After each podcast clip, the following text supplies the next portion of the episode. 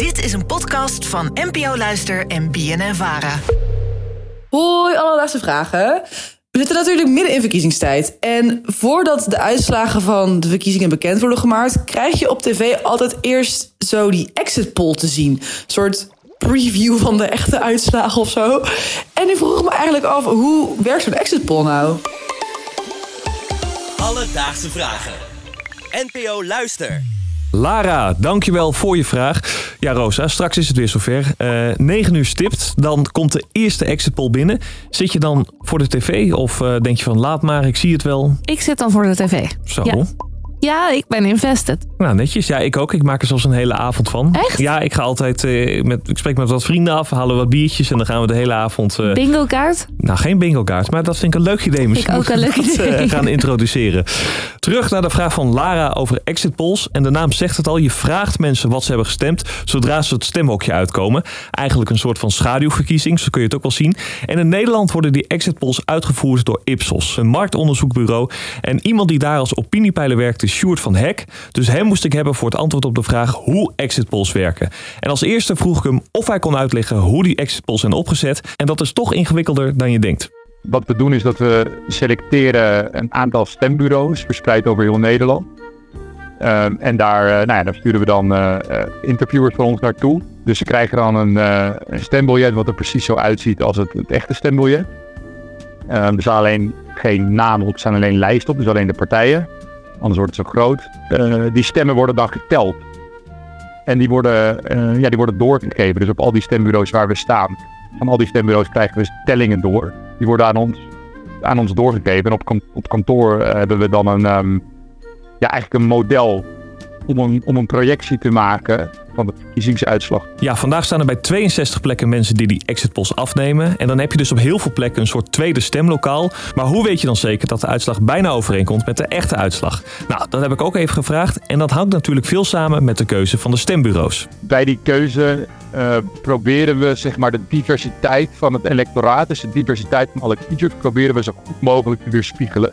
Dus we kijken naar van oké, eh, de, de- de geografische locatie, dus waar liggen die stembureaus en wat voor gebieden is dat? Ehm, eh, in steden, in meer landelijk gebied, eh, in verschillende provincies. Ehm, en we kijken ook naar welk type kiezers komt daar stemmen. Eh, op, welke partijen, op welke partijen stemmen die? Nou ja, en, en al, die, al die variabelen, al die diversiteit, die wil je zo goed mogelijk in je selectie hebben. Maar ik ben nog nooit gevraagd, jawel. Nee. Maar ik had het toch wat romantischer in mijn hoofd, denk ik. Hoe Nou, had, hoe had jij het voor je gezien? Ik had verwacht dat dan kom je zo rustig je stemhokje uit. Je bent dat ding aan het opvouwen wat heel lang duurt. En dat opeens iemand zo van achter het hokje gesprongen komt. Mevrouw, wat heeft u gestemd? Ik denk dat als ze dat zouden doen, dat de meeste mensen eh, het dan niet zouden zeggen. Dat denk ik ook. Komt een eng nek achter een hokje. Ehm eventjes terug naar wat Sjoerd vertelde. Ze kijken dus ook naar de uitslag van de vorige verkiezingen. Die kan je per stembureau bekijken en vergelijken met de gehele uitslag. En dan zo zorgen dat je een representatieve selectie maakt. Maar dan vraag ik me af, gebeurt het wel helemaal eerlijk? Want ik kan me voorstellen dat bijvoorbeeld mensen bij eh, de BBB graag veel liever hun stem laten horen dan bijvoorbeeld mensen bij GroenLinks PvdA. Ja, dat, dat eh, is een goed punt. En daar zei Sjoerd het volgende over. Nee, dat gebeurt wel. Kijk, over het algemeen werken kiezers vrij goed mee aan het exit poll onderzoek. Dus en over het algemeen ligt die, eh, ja, wat je dan de response rate, dus gewoon de, de, de, de bereidwilligheid van kiezers om mee te doen, dat ligt ongeveer rond de 80 80, 85% Alleen je ziet inderdaad wel dat die kiezers die niet meedoen, dus de non-response, die is niet helemaal willekeurig. Dus, dat, dus die is groter onder kiezers van bepaalde partijen. Waarmee je dus eh, het gevaar loopt dat je bepaalde partijen iets onderschat. Dus daar proberen we op basis van wat we weten uit zeg maar, voorgaand, voorgaand exit poll onderzoek, daar proberen we rekening mee te houden. Ja, en ik denk dat we dan wel kunnen concluderen dat het gewoon erg moeilijk blijft. En daarom wordt dus ook altijd gezegd dat die exit poll niet de echte uitslag is. Precies. Alledaagse vragen. Hoor je dat, Rosa? Het is eh, klokslag 9 uur. En dat betekent dus dat de stembussen dichtgaan. En dan komt er al meteen een uitslag. Nou, op dit moment zit Sjoerd druk op het kantoor te peilen. En hij kon ons vertellen hoe het in die hectiek gaat op het kantoor van Ipsos. We bellen gedurende de dag. Dus we, hebben al wat, we verzamelen al wat data gedurende de dag. En dan zie je al wat patronen. Alleen daar kun je natuurlijk nog niks aan afleiden. Want er, gaat, er gaan hele andere kiezers gaan overdag stemmen dan bijvoorbeeld s'avonds. Dus je moet echt een totaalbeeld hebben. En dan de laatste keer dat we eh, op, nou om acht uur, half negen bellen we nog een keer. En dan op basis van de data die we dan hebben, maken we, een, maken we de exit poll. En die wordt dan om, ne om 9 uur gepubliceerd. Op het moment dat de stembussen sluiten. Wat een werk als je het zo hoort. Uh, mochten we ooit overgaan op digitaal stemmen, ja, dan is het natuurlijk allemaal niet meer nodig. Maar tot die tijd, ja, dan uh, blijft Sjoerd gewoon driftig bellen. Ik denk dat we hem heel veel succes moeten wensen vanavond. Zeker, Sjoerd. En bedankt voor al je harde werk.